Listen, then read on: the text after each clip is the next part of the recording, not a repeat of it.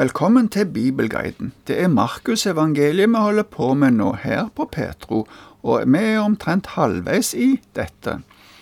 Sist gang så så vi at Jesus begynte å fortelle disiplene at han skulle lide og dø, og etterpå sa han at de som ville være hans disipler, måtte være villige til å oppgi alt sitt eget om nødvendig for å kunne følge han.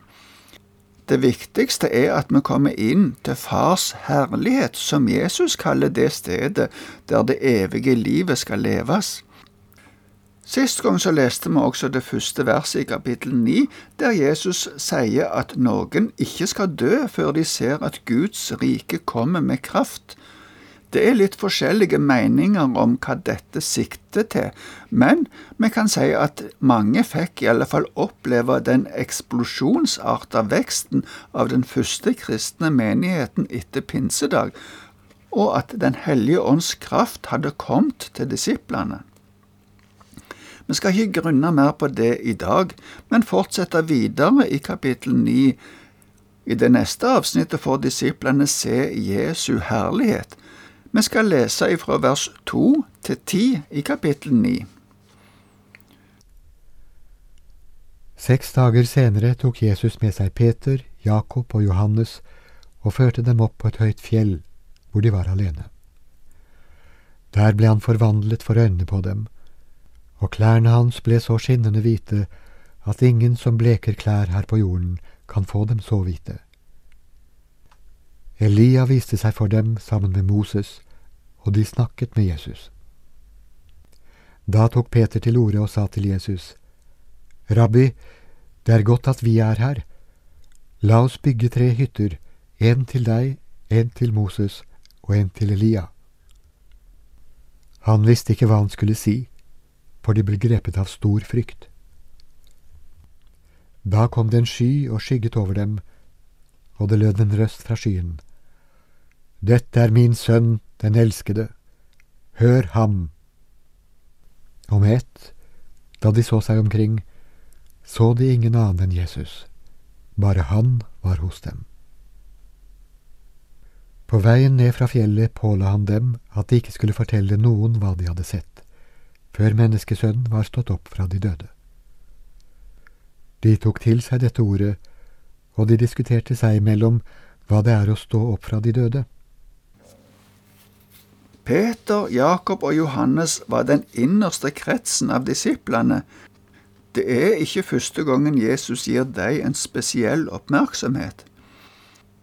Beskrivelsen av et høyt fjell er nok mest sannsynlig at det sikter til en av høydene som er rundt Hermon, men kanskje ikke til toppen av dette fjellet, som er over 2800 meter høyt. Noen av disse fjellene har god utsikt over Cesarea Filippi, der vi ser at de var i kapittelet før, da Peter avla bekjennelsen sin om Jesus som Messias. Som vi har sett tidligere, hadde folket en forventning om at Elias skulle komme før Messias. Det er ut ifra en tekst i profeten Malaki at dette blir sagt. Men som vi så tidligere, så var det Johannes døperen som hadde denne funksjonen å rydde veien for Messias. Moses var lovgiver og frigjører, og Elia ble regnet for den første av de store profetene. At de viste seg på fjellet, var en bekreftelse på at Jesus var den Messias som Peter hadde bekjent. Men også Gud bekreftet det med sin stemme Tre ganger i løpet av Jesu liv nevnes denne røsten. Det første var da Jesus ble døpt, og den siste var i forbindelse med hans triumferende inntog i Jerusalem. Men denne hendelsen var så spesiell at Jesus ville ikke at disiplene skulle snakke om den blant folk. Det ville bare føre til misforståelser og spekulasjoner. Disiplene lovte å la være å fortelle om dette, men de forsto ikke hva det betydde at han skulle stå opp igjen ifra de døde. På veien ned ifra fjellet kom de inn på det med Elia igjen. Så spurte disiplene Jesus hva det betydde at Elia skulle komme. Det leser vi om i fortsettelsen fra vers 11 til 13 i kapittel 9 hos Markus. og de spurte ham, Hvorfor sier de skriftlærde at Elia først må komme? Han svarte, Elia kommer først og setter alt i rette stand. Men hvordan kan det da stå skrevet om menneskesønnen at han skal lide mye og bli foraktet? Jo, jeg sier dere, Elia er allerede kommet, og de gjorde med ham som de ville, slik det står skrevet om ham. De tenker på det som står i profeten Malaki i kapittel 4 ifra vers 5 og 6, altså de to siste versene som vi har i vårt gamle testamente. Det var en generell forventning om at profeten Elia skulle komme tilbake og virke iblant folk før Messias skulle komme med sitt nye styre for Israel. Jesus henviser til at det var Johannes som var den Elia som skulle forberede veien for Messias. Men folket forsto verken det eller hvordan Messias komme skulle være. Johannes hadde blitt fengsla og drept. Etter ei stund kom Jesus med de tre som hadde vært med han opp på fjellet, ned igjen til de andre disiplene. Der var det samla en stor folkemengde. I denne flokken var det en gutt med ei ond ånd, og faren til gutten hadde kommet til disiplene for å be om hjelp. Vi skal nå lese hva som skjer, og vi leser fra vers 14 til 29. Da de kom tilbake til de andre disiplene, så de en stor folkemengde samlet omkring dem, og noen skriftlærde som diskuterte med dem. Straks folk fikk øye på Jesus, ble de forferdet, og de løp mot ham for å hilse ham. Han spurte dem da, Hva er det dere diskuterer med dem? En i mengden svarte, Mester, jeg er kommet til deg med sønnen min, fordi han har en ånd som gjør ham stum.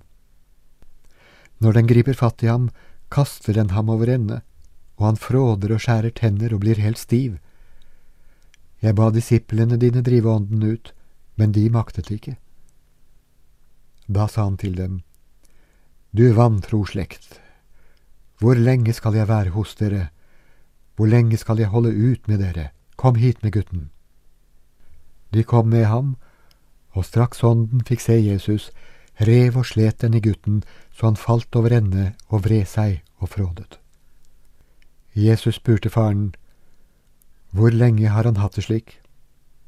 Fra han var liten gutt, svarte han. Mange ganger har ånden kastet ham både i ild og i vann for å ta livet av ham. Men om det er mulig for deg å gjøre noe, så ha medfølelse med oss og hjelp oss.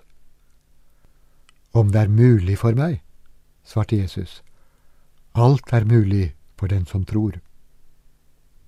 Straks ropte guttens far, Jeg tror, hjelp meg i min vantro. Da Jesus så folk stimle sammen, truet han den urene ånden og sa, Du stumme og døve ånd, jeg befaler deg, far ut av ham, og far aldri mer inn i ham. Da skrek den høyt, slet voldsomt i gutten og for ut.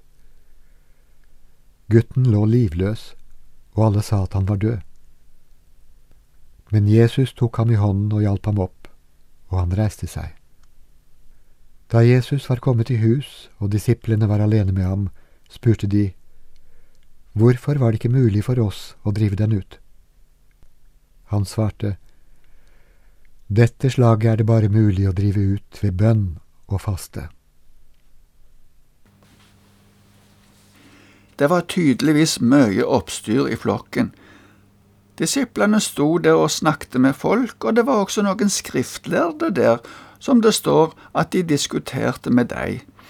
Etter det som vi kan forstå ut ifra sammenhengen, var det en mann som hadde kommet til disiplene med sønnen sin, som hadde en del problemer.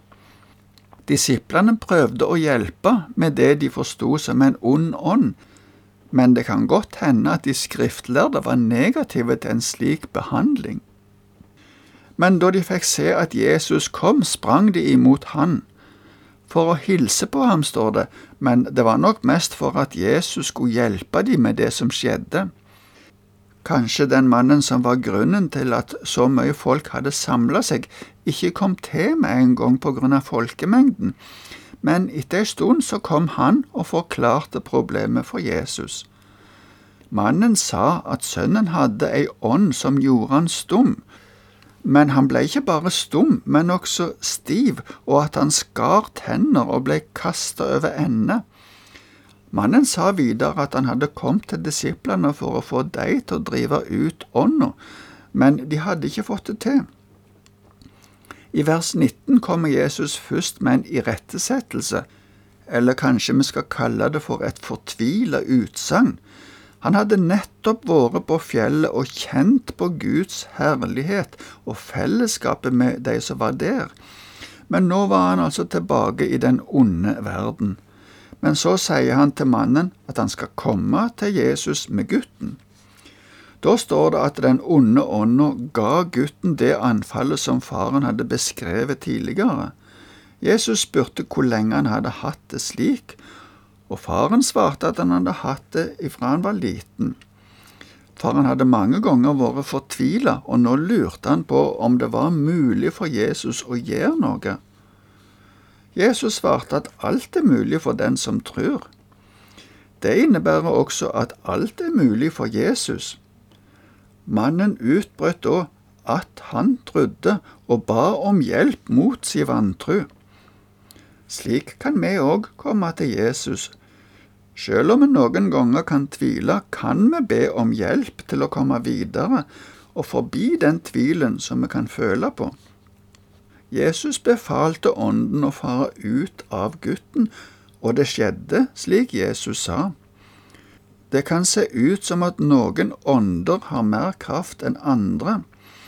Kanskje prøvde disiplene å drive ånda ut ved hjelp av egne krefter, eller fordi de stolte på at de hadde gjort slike ting før, men det er bare i Guds kraft at dette kan skje.